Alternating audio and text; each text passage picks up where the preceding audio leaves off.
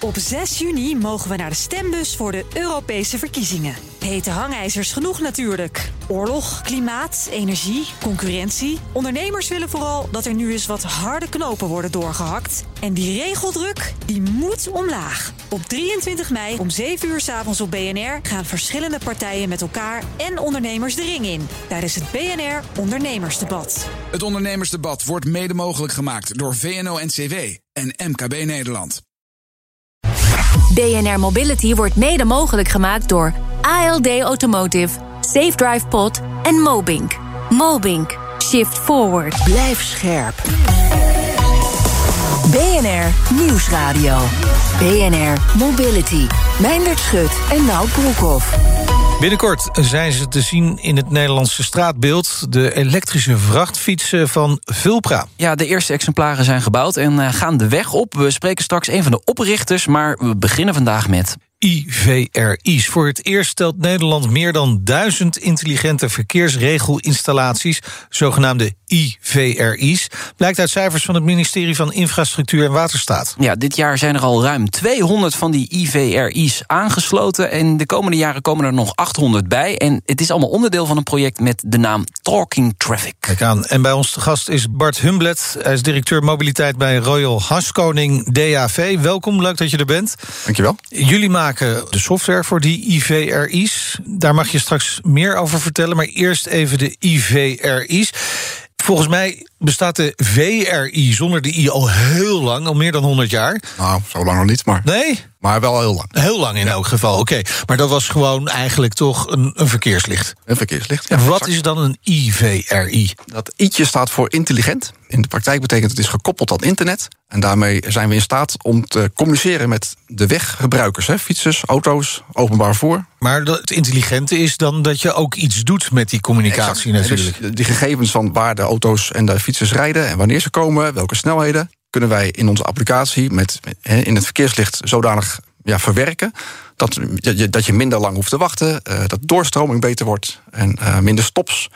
Dus, uh, en ook het ja, beleid van de stad kun je daar beter mee uh, afstemmen. Ja, ik heb bij mij in de buurt een verkeerslicht. Als ik dan kom aanrijden en vooral als het heel rustig is... dus uh, heel vroeg in de ochtend bijvoorbeeld... Mm -hmm. springt hij gelijk op groen. Is dat nou een IVRI of is dat, dat nog een voorloper daarvan? Dat kan ook nog met een gewone VRI. Hè, want ja? ook de gewone VRI zijn in Nederland ook best heel slim. Hè. We hebben lussen in de weg liggen... Ja waarmee gedetecteerd wordt of er een auto aankomt. Dat is eigenlijk redelijk standaard. En dus als het rustig is en er is geen andere verkeer... dan krijg je echt wel heel snel groen. Maar het wordt natuurlijk interessanter als er meerdere uh, richtingen verkeer komt. En dan wil je als stad gaan doseren en wil je gaan prioriteren... Uh, welk verkeer eerst mag en hoe lang het moet wachten en waarom. Dat kun je helemaal instellen. Ja, en hoe meer verkeer er is, hoe moeilijker dat natuurlijk wordt... En hoe intelligenter het ja. systeem moet zijn. Ja, exact. Het algoritme wordt steeds, uh, ja, wordt, wordt steeds slimmer... Uh, en, ja. en daardoor kun je dus ook meer doorstroming bewerkstelligen. Van belang is wel dat er zoveel mogelijk auto's en voertuigen verbonden zijn... met die IVRI, want anders werkt het niet. Klopt, hoe meer auto's er verbonden zijn aan,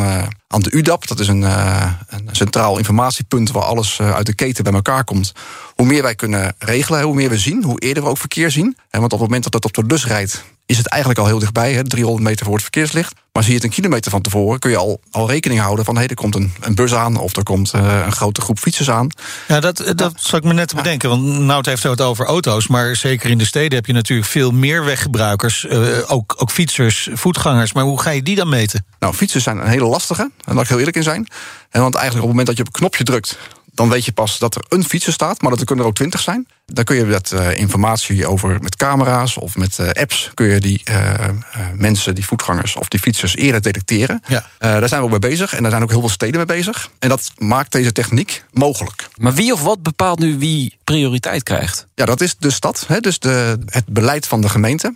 Uh, je kan je voorstellen dat je in een uh, industriegebied uh, meer voorkeur meer prioriteit geeft aan vrachtwagens, en zeker volle vrachtwagens. Ja. Ja.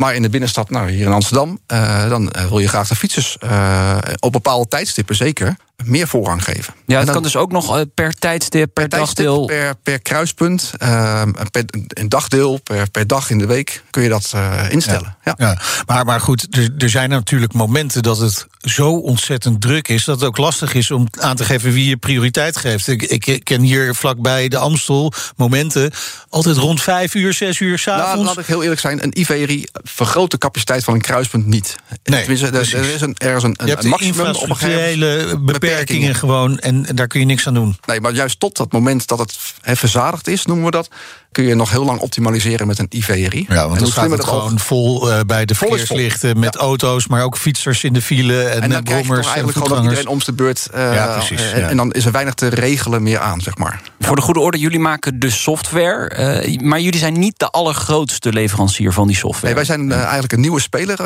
in dit veld. Met Talking Traffic heeft het ministerie ook beoogd om dit veld open te leggen voor, voor andere toetreders. En hebben heel duidelijk een knip gelegd tussen de hardware en de software. En ja, wij richten ons op, de, op die applicatie, op die software. Ja, we zijn aan het groeiende, maar we zijn al zeker niet uh, de dominante speler in, uh, in dit veld. En wat maakt jullie software beter dan die van de concurrentie? Ja, dan moet je oppassen dat je natuurlijk bij van WC eet. Uh, ja, precies, ja, zeker. Oppassen. Nee, maar ik, ik, dat heeft gelukkig ook onafhankelijk onderzoek aangetoond. Is dat je. we zijn eigenlijk begonnen met van als er nou niks was. En ja. hoe ziet het dan de toekomst eruit?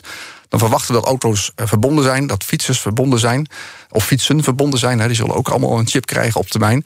En dan, hoe ga je dan regelen? En dan ga je niet met software uit 1984 doorplussen, want dat loopt vast.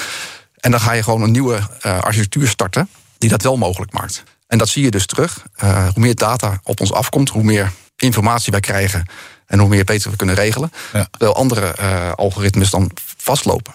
En dat zie je, ja, dat zie je door testen, door gewoon te meten hoeveel stops of hoeveel voertuigverliesuren er zijn. De andere partij bijvoorbeeld is uh, Dinnik, die heb ik ook wel eens gesproken. Ja. Maar werken jullie dan niet ook samen? Want het is toch ook ontzettend onhandig als er in Nederland allerlei verschillende systemen uh, ja, in, nou, in die verkeersregelaars hangen? Terecht, heel terecht. En Talking Traffic is de koepel waar we in we samenwerken. Ja. We hebben dus ook met elkaar afgesproken wat de standaarden zijn, hè, wat uh, informatieuitwisseling is. De verkeerslichten van Verjaardag of Dinnik kunnen prima op onze software draaien. Dat is helemaal open. Ja, in die zin is dat, uh, is dat geregeld. Ja. Waar in Nederland zijn jullie te vinden? Nou, waar niet. Nou, een beetje flauw. In, in Deventer, uh, in Groningen, uh, voor Rijkswaterstaat, in Zeist, ja. in Venlo, Rijswijk. Nou, eigenlijk op heel veel plekken al in Nederland. Ja. Maar in Deventer, dat was eigenlijk onze launching customer. Daar zie je de grootste effecten. Uh, daar hebben we nu bijna 40 IVRI's uh, draaien. Omdat je dan een hele streng of een heel netwerk hebt, kun je meer winst boeken. Hè? Want je kan je voorstellen, als je drie kruispunten achter elkaar hebt, dat je meer effect hebt dan als je een, een, een, een kruispunt uh, regelt. Ja, en, en vertel dan eens iets over het effect. Wat zijn resultaten die jullie daar behalen? Ja, vind ik best wel indrukwekkend. Allereerst op de, op de omgeving. Je, je hebt, omdat je minder stops hebt, heb je 20% minder CO2-uitstoot. Je hebt uh, minder voertuigverliesuren. Je krijgt hogere geloofwaardigheid. Hè, want jij net schetste van ik sta. Of, uh, ik rij naar een verkeerslicht toe en dan springt redelijk snel op groen. Ja. Je hebt ook wel een situatie dat je zat te wachten voor een rood lichtentje. Ja, waarom, waarom dat, dan? Dat, dat heb ik wel eens hier vlakbij. Ja. Uh, nou, de studio dat, van BNR. Het is ook op geloofwaardigheid. Dat wordt ook ja, getoetst door, door ja, psychologen met enquêtes en dat soort zaken. Scoren we daar heel hoog. Dus dat, dat okay. zijn de effecten. En een heel mooi voorbeeld vond ik dat op een gegeven moment op de A1 bij Deventer was er een bommelding. En normaal krijg je dan heel veel verkeer door de stad heen. Liep de hele stad vast. Dat zei ook onze klant, de wegbeheerder. En hij zei, ja, nu gebeurde er eigenlijk niks. Het, het verkeer ging gewoon door. Dat stroomde gewoon door. Omdat het verkeerslicht zag van, hé, hey, er komt meer verkeer. En we gaan onze algoritmes gewoon aanpassen. En terwijl er normaal een vrij starre regeling in zit. Hè, bij de, uh, ja. En dan, uh, ja. Maar, maar, wordt dat algoritme dan ook al nu nog steeds slimmer? Ja.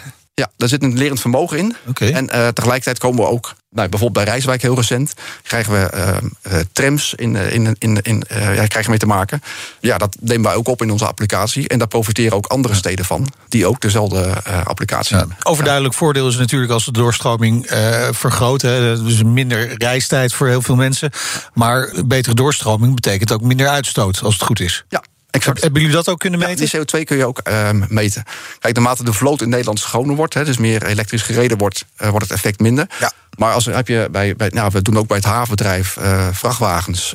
ja, daar zijn die effecten enorm. Hè, als je daar een, een vrachtwagen stil moet zetten en weer optrekt, kost gewoon een liter brandstof. Ja. En als je dat kan laten doorstromen, dan heb je veel minder, uh, nou, minder kosten, maar vooral ook minder uitstoot. Als je de, naar de resultaten kijkt, dan zie je dat het werkt. Toch zijn wegbeheerders en gemeentes terughoudend met die IVRI's. waarom is dat? In elke innovatie zie je eigenlijk twee componenten. Je hebt aan de ene kant de techniek, en dat is iets rationeels. En aan de andere kant, en dat vergeten we eigenlijk met z'n allen heel vaak, is dat er ook nog een procesinnovatie is, een, een, een gedrag, een menselijk veranderen. Ik bedoel, toen er elektrisch licht kwam, uh, zullen de lantaarnopstekers ook niet meteen gedacht hebben van laten we naar het elektrisch licht gaan. Uh, dat zie je bij de overstap van uh, fossiel naar elektrisch ook. Er zijn altijd, ja, maar de actieradius en de betrouwbaarheid.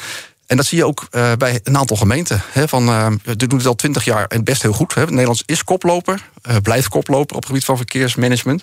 Maar dan zie je toch wel, ja, ik moet dingen loslaten. Ja. Dat is een shift in, in een organisatie. En tegelijkertijd hebben die mensen hard nodig om het beleid uh, op een ander niveau uh, die verkeerslichten in te regelen. Hun werk verandert. En dat ja, en elke verandering bij heel veel mensen, bij mij ook hoor. Ik ging ook over van, eh, van DOS naar Windows ooit. En dat was ook even, oh jee, wat nu en dit soort dingen. Maar uiteindelijk, als je terugkijkt, denk je, ja, goed dat ik het gedaan heb. Maar dit staat gewoon de verdere uitrol ook in de weg. Ja, maar je ziet dus ook dat de bewijslast ontstaat. Hè. Dus doordat ze gaan kijken in Deventer, doordat het dus door externe onderzoeken blijft bewijzen eigenlijk. Ja, en dan dan gaan die schaapjes op een gegeven moment ook over de dam. Wat zegt dat aantal nu van die duizend IVRI's? Nou, het is heel dubbel. Aan de ene kant super, hè? duizend klinkt heel veel. Maar het is maar 20% van het totaal. En we zijn al best lang bezig. En ik ben ongeduldig, dus ik zeg, joh, waarom nog geen 2000? Ja. Maar aan de andere kant uh, moet ik ook terugkijken en denk, ja, we hebben echt heel veel bereikt in Nederland. Zodanig zelfs dat in het buitenland, die heel dichtbij, in Vlaanderen, ook gezegd wordt: dit pakken we over. Die pakken dezelfde standaarden, die pakken dezelfde methodiek en die gaan hier ook mee verder. Ja, vooral die standaard lijkt me belangrijk, anders gaan alle landen weer iets anders doen. Ja, nou, wij hopen natuurlijk ook dat die ja, ontwikkelde standaarden exporteerbaar zijn. En dat is kan deels, in België blijkt dat dus. Maar in uh, ja, heel veel andere landen hebben ze andere systemen, andere. Dat betekent een grotere shift. Dus dat zal nog even duren. Maar Nederland is heel vaak koploper geweest in verkeersmanagement. En uh, ik verwacht dat we hier ook uh, stappen in kunnen zetten. Ja, nu dus uh, 1000 IVRI's. Er komen er nog 800 bij op de korte termijn. termijn. Ja. Kunnen we alle VRI's vervangen voor IVRI's? Nou, het is, dus nu de standaard. Hè, dus als er een, een verkeerslicht aan vervanging toe is, dan krijg je default een IVRI. Okay. Dat is ook logisch ook, en dan is die gewoon verbonden met het internet. Maar de toegevoegde waarde in het landelijk gebied, hè, waar uh, drie karren en een trekker opensteken, is, is is minder uh, relevant. Uh, ja. je, je, je, hebt namelijk in de stedelijke omgevingen... maak je meer milieu-impact, ja. meer omgevingsimpact... en ook meer reizigersimpact. Ja, en anders is de investering vermoedelijk niet helemaal waard. Nee, dat, is, dat, dat weegt niet tegen die kosten op. Nee. Duidelijk, dank. Bart Humblet, directeur mobiliteit bij Royal Haskoning DAV. BNR Mobility. Vulpra, vermoedelijk heb je er nog nooit van gehoord... maar daar zou zomaar eens verandering in komen. Zeker na deze uitzending natuurlijk. Dat denk ik wel. Het bedrijf maakt elektrische vrachtfietsen. En de eerste exemplaren die gaan de weg op. En Michel van Eijnatten, die is medeoprichter van Vulpra. Welkom, leuk dat je er bent. Ja, dankjewel. De L1, dat is de naam van het eerste model. Kun je hem eens beschrijven? Want het is geen bakfiets... Maar het is ook geen bestelbusje? Nee, we zitten daar eigenlijk tussenin. En wat we zelf zeggen, de capaciteit van een bestelwagen, het gemak van een fiets. Ja, dat is het ook. We zijn veel groter qua capaciteit dan elke andere fiets. Ja, de grootste bakfiets zijn we drie keer zoveel lading hebben we, uh, kunnen we meenemen. Twee volle rolcontainers. We hebben ook veel meer trapondersteuning. Is nog steeds een fiets, maar veel krachtiger dan elke andere elektrische fiets. Maar we kunnen wel gewoon fietsroutes volgen. Want we zijn een, een fietsvoertuig, dat is een Europese voertuigklasse. Daar wordt nog niet heel veel gebruik van gemaakt. En het is ons gelukt om daarin gekeurd te worden. En dat is uh, een primeur geweest uh, nou, eigenlijk het afgelopen jaar. Of eigenlijk vorig jaar toen we, toen we dat hebben gehaald. En nu zijn we ze aan het uit de pilotfase gaan we ze produceren. Gaan de eerste stuks de weg op deze maand. En als we hem even beschrijven, dan zou je kunnen denken aan een klein, kleine bestelbus, maar voor zit dan de fiets. waarbij een bakfiets meestal de, de fiets erachter de bak zit. Zit ja. hij hier voor de bak. En een grote, ja, grote laadcabine erachter. Ja, ik zat wel te. Is die breed? Precies een meter. Een meter, ah, ja. oh, oké. Okay. mag ook geen centimetertje breder zijn. Uh, vanwege het fietspad? Vanwege, vanwege uh, de regelgeving rond ja, ja. die voertuigklasse. En zeker uh, omdat het nog steeds overal makkelijk doorheen beweegt in de stad. Ja. Nou, we zetten even een foto op, op bnr.nl slash mobility. Dan kunnen mensen ook zelf even kijken hoe de Vulpra eruit ziet, de L1. Gaan we doen. Je hebt het veel over regelgeving al gelijk. Hè? Was het moeilijk, lastig om dat allemaal rond te krijgen? Ben je daar veel mee bezig geweest? Ja, ja daar zijn we al vier jaar mee bezig. Zo. We zijn ontstaan vanuit een engineeringbedrijf Dus er zit heel veel technische kennis. Is heel veel ontwikkeld in opdracht van op allerlei voertuiggebied. met name door mijn compagnon. Daarmee zijn we ook heel we zijn heel trots dat het ons gelukt is om, om een toch wel hele complexe fiets daar doorheen te krijgen. En dat is een Europese keuring. Dus we mogen in heel EU mogen we ons product nu de markt opbrengen. En maakt het ook dat we heel betrouwbaar en veilig product hebben weten te maken waar we heel veel vertrouwen in hebben om die, eh, om die overal in te laten zetten. En wat betekent die keuring? Is het nu al een type goedkeuring zoals we ook van auto's gewend zijn? Hebben jullie die al? We hebben nu uh, een voertuigkeuring. Hè, dus op voertuigniveau moeten we nog in Nederland langs Lelystad, het RDW-keuringsstation, met onze fietsen. Nou, dat is een beetje een kleine serie, maar het komt er eigenlijk op neer dat we, dat we continu daarvoor terug moeten. Maar parallel zijn we een half jaar geleden gestart, toen we onze nieuwe assemblagehal gingen inrichten, met type goedkeuring inderdaad. Een type goedkeuring, dan word je echt een fabrikant waar je zelf uh, je chassisnummers in kan slaan. Dus dan ben je echt uh, degene die, uh, die direct af fabriek kan, kan leveren, gekeurd en wel. Het is wel echt duidelijk dat jullie een alternatief willen, willen bieden. Maar waarvoor nou precies? Eigenlijk in essentie voor de bestelwagen. En, en, de bakfiets. En de bakfiets. Maar de bakfiets, we zijn geen concurrent van de bakfiets. Waar een bakfiets tegenaan loopt, en zeker een bakfiets waar dus de bak voor zit. Je moet er wel overheen kunnen blijven kijken. Dus je hebt gewoon een beperking uh, wat je erop kan Ja, je kunt niet de hoogte in. Precies, je kan de hoogte niet in. En, en de breedte uh, natuurlijk ook niet, want je zit aan die meter vast. Precies, ja. ja. Dus je bent, uh, dat is in de volume. Maar ook in gewicht. ja, probeer maar eens een bocht te nemen met iets wat, wat 200, 300 kilo voor je, voor je hebt liggen aan lading. Los van dat je dat niet bij elkaar getrapt krijgt. Hè, dan heb je veel meer power nodig. Ja. Nou, daar kom je dus in een, in een klasse terecht waar wij in zitten. Wij hebben namelijk vier keer zoveel trapondersteuning. Dus je moet nog steeds trappen, net als met elke elektrische fiets. Alleen veel meer power bij het wegkomen vanuit stilstand om dat gewicht mee te krijgen. En dan kom je in één keer in een uh, gebied waar je een uh, bestelwagen aan capaciteit uh, kan benaderen. Maar wel lekker makkelijk en weer veel minder plek inneemt en veel beter die binnenstad door kan bewegen. En ik noemde inderdaad regelgeving. Want los van de regelgeving van ons voertuig, speelt ook heel veel op regelgeving. Uh, er moet zero emission moet natuurlijk. Uh, er wordt overal doorgevoerd, niet alleen in Nederland, speelt in heel Europa. Dat wordt er gegeven, alles wordt elektrisch of waterstof, maar in ieder geval gaat die kant op. Maar belangrijker is uh, congestieproblematiek. Met andere woorden, het is gewoon veel te vol. Dat moet gewoon uh, slimmer met kleinere voertuigen. Maar ja, je moet nog wel grote spullen meenemen. Je kan niet alleen maar uh, pakketjes uh, van, van een bol.com boekje heen en weer brengen. Er gaan ook wasmachines overal de stad door. en, en, en, die gaan hier ook en, in? plantsoenendienst, bomen en overniersdienst. Je kunt ook wasmachines meenemen? Ja, we hebben twee wasmachines achter in onze bak gehad.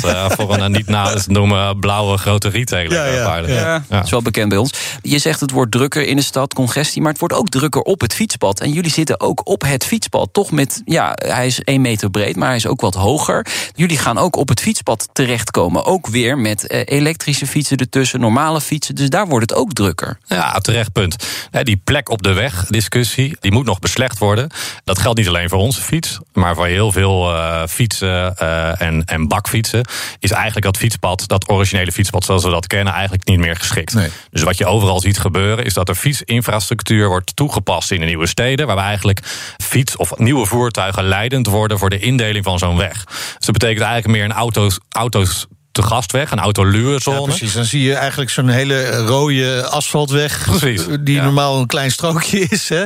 Ja. Uh, en daartussen zit zwart. Nu is dat gewoon helemaal rood. En uh, ja. de automobilist is te gast. Ja, en de default is, uh, is een fiets. En dan krijg je dus allerlei type fietsen... waar wij er één van zijn. Want je krijgt ook nog te maken met snelheidsverschillen. Je hebt ook speed pedelecs. En allerlei hardfietsende... Die, wat, maar, maar gaat dat hard genoeg met die infrastructurele veranderingen? Hè? Want als je kijkt in Amsterdam ja, er zijn er een paar plekken waar dat gebeurt, maar nog lang niet overal. Nee, nou ja, we zijn precies een meter breed, dus het, het werkt nu al. Ja, maar ik sluit, het is inderdaad op bepaalde knooppunten is het, uh, die worden als eerste natuurlijk aangepakt, waar dat echt nu al uh, een ding is om, uh, om die veiligheid wel te waarborgen. Maar dat gaat toch wel rapper dan je denkt. Ja. Ik woon zelf nu in Utrecht. Ik zie overal om me heen zie ik dat gebeuren, dat die wegen gelukkig nee, opgeturnd worden naar. Tijd wat dat betreft mee natuurlijk. Je, je had het het net over het vermogen. Waar moeten we dat nou mee vergelijken? Is dat vergelijkbaar met een speed pedelec of nog sneller? Nee, nou, het sowieso niet sneller. Want we gaan 25 km Ja. per uur, net als elke andere elektrische fiets. Hij mag en kan ook echt niet harder. En je moet ook echt zelf vertrappen. Dus eh, het is puur om wegkomen uit stilstand. Hè. Een bruggetje op, een uh, talutje eh, Ja. over, fietstunneltje uit. Turbo-knopje voor een heuveltje misschien erbij? Ja, nou, er zit walk assist op. Dus dan kan je net drie kilometer. dan kan je hem zo een paar meter. als je net een rotheuveltje al lopend aan het sturen. eh, net een paar meter verderop moet zijn. Daar wordt die power voor ingezet. Ja, het is niet zo krachtig als een. eh, en zeker niet in snelheid. Een speedpedelec mag gewoon 45 km per uur. ja. Dat gaat ook bij ons helemaal niet om. Het is echt om, eh, om gewicht mee te nemen en daarmee volume. En de range? 80 kilometer op eh, één setup. Dat is met een eh, setup van twee accu's aan elkaar geschakeld. Met één accu, eh, nou, de helft. Kom je, kom je daar de hele dag mee, eh, mee door? Ja, wat je ziet is dat merendeel van in ieder geval de logistieke partijen in één shift niet meer dan eh, 30, 40 kilometer rijden. Eigenlijk is het vaak eh, 20 kilometer, afhankelijk van je pakketdichtheid, hè, als je een pakketbezorger hebt. Dus dat is daar nooit een ding. Maar mocht dat eh, het wel zijn, dat je een groter afzetgebied hebt, dan, eh, dan is 80 kilometer ruim, ruim voldoende. Ja, het is misschien wel belangrijk om te benoemen dat jullie ook eh, hebben ook al pilots gedaan hè, met een prototype. Onder meer in samenwerking met PostNL. Hoe, hoe is dat nou verlopen? Nou ja, eh, gunstig, want eh, inmiddels, een gaan- order geplaatst. inmiddels gaan we uitleveren. Oké, Eh, maar je ziet dat er eh, los van, de, van het inzetten van de fiets, dat er ook een, eh, in het logistieke proces het een en ander moet veranderen. Dus met grote distributiepunten ergens in de provincie komt eigenlijk tussenstations, hubsystemen rondom de binnenstad, waarin je snel in en uit kan leveren om die binnenstad makkelijk in en uit te kunnen. Dat soort processen worden ook gelijk gevalideerd. Uiteraard is de fiets, met name het laadcompartiment, zijn altijd nog wensen. Kan het niet nog een beetje zo, kan het zo. We hebben nu eh, bijvoorbeeld deuren rondom, schuifdeuren. Eerst waren dat klapdeuren. Nou, een klapdeur, ja, daarvan komt de wind in. Of neemt natuurlijk meer plek in als er voorbijgangers zijn. Dus dat worden nu schuifdeuren. Dus het eh, heeft echt nog tot aanpassingen geleid. ja, ja, zeker. We zijn continu eh, bezig om dat net even weer eh, eh, te tweaken. Ook voor verschillende klanten weer verschillende kleine aanpassingen te doen. Hoewel we natuurlijk willen dat we naar een default gaan... die voor zoveel mogelijk partijen gelijk al eh, eh, ja, heel goed werkt. Hoeveel exemplaren gaan de weg op? We zijn nu de eerste batch aan het afronden van 25 stuks. Die gaan dit jaar de, weg nog op. Q1 eh, staan 50 stuks gepland, waarbij we de helft al eh, kwijt zijn. Dus eh, Het loopt. Het loopt. We zijn, eh, we zijn van start. En, en, en kwijt aan, aan wat voor partijen? PostNL kan ik me dan voorstellen, want daar hebben jullie eh, een, een pilot mee gedaan. Ja, en zo hebben we nog een paar hele grote pilots lopen eh, van andere grote pakketbezorgers, ook op Europees niveau. Dus met, in Duitsland gaan we net over de grens in Keulen met drie fietsen de weg op. We hebben een Franse partij die nu een orde heeft geplaatst en waar er al één rondrijdt als, nou, als eerste model eh, om daar te testen. En Zweden, eh, de Nordics, eh, hadden we eigenlijk helemaal niet op, op ingezet. Maar die zijn enorm daadkrachtig. En daar gaan er over twee weken drie stuks zijn en willen in december eh, nog tien stuks hebben. En dat, die doen bijvoorbeeld allemaal van die HelloFresh abonnementsachtige diensten uitleveren, maar ook van die bat- battery swaps, van die, eh, van die deelscooters en deelstepjes. Die moeten continu geswapt worden om die batterijniveau natuurlijk continu eh, op, op niveau te houden. En dat wordt dan gedaan eh, in de binnenstad met onze fietsen. Met de Vulpra. Heel veel succes met die productie en de uitbreidingsplannen. Dankjewel, Michel van Eijnatten, medeoprichter van Vulpra. Dit was BNR Mobility. Terugluisteren kan via de site, de app, Apple Podcast, Spotify, wherever you want. Vergeet je vooral niet eh, te abonneren. Heb je nieuws of andere verhalen voor ons? Mail naar mobility.bnr.nl. Ik ben Meijnerd Schut. Ik ben Oud Broekhoff. Tot volgende week. Doei. BNR Mobility wordt mede mogelijk gemaakt door Safe Drive Pod, Mobink en ALD Automotive. ALD Automotive. Ready to move. Op 6 juni mogen we naar de stembus voor de Europese verkiezingen. Hete hangijzers genoeg natuurlijk. Oorlog, klimaat, energie, concurrentie. Ondernemers willen vooral dat er nu eens wat harde knopen worden doorgehakt. En die regeldruk, die moet omlaag. Op 23 mei om 7 uur 's avonds op BNR gaan verschillende partijen met elkaar en ondernemers de ring in. Tijdens het BNR Ondernemersdebat. Het ondernemersdebat wordt mede mogelijk gemaakt door VNO-NCW en MKB Nederland.